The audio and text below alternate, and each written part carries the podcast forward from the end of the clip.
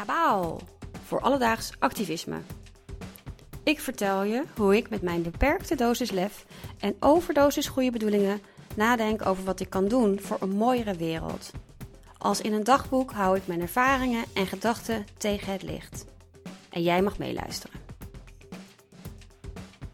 Nou, ik dacht dus, ehm, misschien is het wel leuk als ik ehm, even nu, terwijl ik dit opneem, het uh, antwoord lees wat ik heb gekregen van die kennis uh, met die Forum voor Democratie story waar ik van schrok.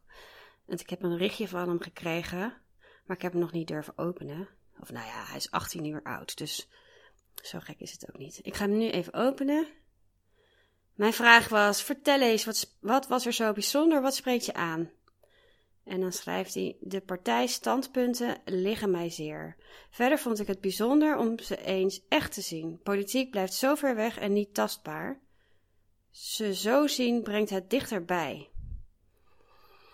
Oh, ik merk wel dat ik echt een veel hogere hartslag heb als ik dit lees. Of als ik, toen ik het wilde openen eigenlijk. Ik ben gewoon een beetje... Um, nou, ik weet eigenlijk niet wat ik ervan vind. Ik weet ook niet of dit antwoord nou echt iets zegt. Het is een beetje wollig. Eh, de standpunten liggen mij zeer. Ja, welke? Ik heb, er komen eigenlijk alleen nog maar meer vragen bij me op. Um, eigenlijk het antwoord wat hij zegt: het blijft zo ver weg en niet tastbaar. Eh, dit antwoord blijft ook heel ver weg. En voor mij niet tastbaar. Voor mij niet echt een. Mm, makkelijke manier om hier verder over na te denken of in gesprek te gaan.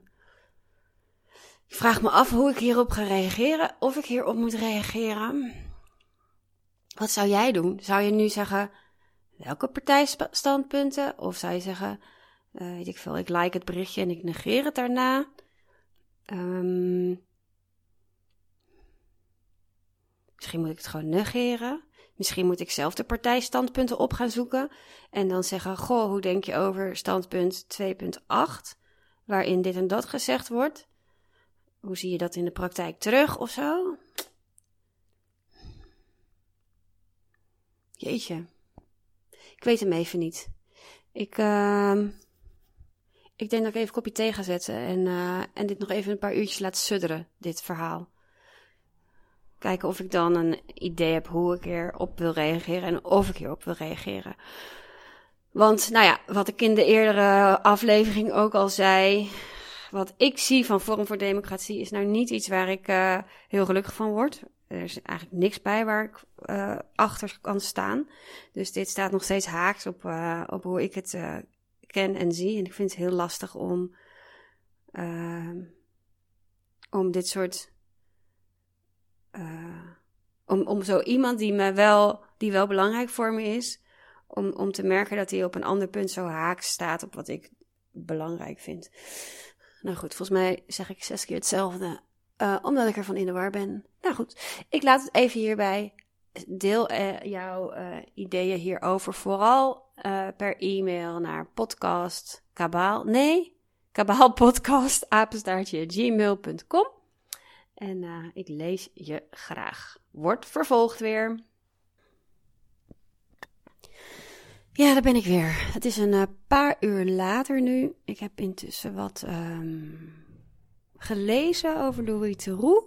Ik heb een uh, deel van een docu gezien van hem. ik heb hard gelopen. dus ik heb wat tijd gehad om na te denken over of ik ga reageren en hoe ik ga reageren. Oh ja, en ik heb ook nog met mijn partner erover gesproken.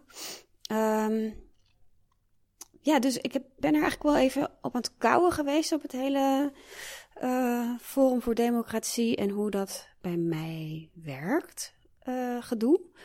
En ik heb nu een antwoord geformuleerd. Um, ja, en ik wil het even aan je voorlezen. Um, ik ben ook weer benieuwd wat er daarna gaat gebeuren. Maar goed, dit is wat ik nu heb geschreven. Hoi, puntje, puntje, puntje. Dank voor je reactie. Het zegt me nog niet zoveel. Misschien omdat ik niet, van geen enkele partij overigens, het partijprogramma gelezen heb. Misschien om een andere reden. Zoals jij vast ook weet, voel ik me meer verbonden met een andere kant van het politieke spectrum. Ik vind het moeilijk te begrijpen hoe, in mijn ogen, extreme standpunten toegejuicht kunnen worden door Forum voor Democratie. Het risico van zulk onbegrip is dat het contact in algemene zin, maar mogelijk ook tussen ons, eronder te lijden krijgt. En als er iets is wat ik niet wil, is dat contact verloren gaat. Volgens mij is contact essentieel tussen mensen en in een samenleving van welke politieke kleur dan ook. Behalve dat ik het zelf zo ervaar, zie ik om me heen het ook gebeuren. Verschillen lijken groter te worden en standpunten verharden. Ik vind dat een zorgwekkende ontwikkeling. Daarom wil ik je vragen: zou je me meer willen vertellen over jouw enthousiasme, zodat ik leer over jou en over hoe ik kan omgaan met de schijnbaar tegenovergestelde ideeën? Je zou me erg helpen.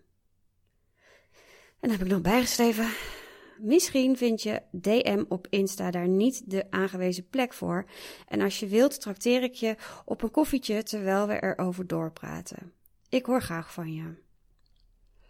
Nou, dat heb ik dus net um, uh, opgesteld, dat berichtje. En ik ga zo op send drukken. Um, en dit is voor mij best wel spannend, omdat ik, uh, nou ja, eigenlijk omdat ik wat ik eerder ook heb verteld, niet goed weet wat de antwoorden die ik hierop ga krijgen met me doen. Um, en um, nou ja, ik ben iemand die best wel zwart-wit is. En dit betekent dat ik heel veel grijs misschien toe moet laten. zwart-wit is soms gewoon veel makkelijker dan grijs. Dus nou ja, ik ga dit in ieder geval um, uh, insturen. En uh, ik ben weer heel benieuwd wat er gaat gebeuren.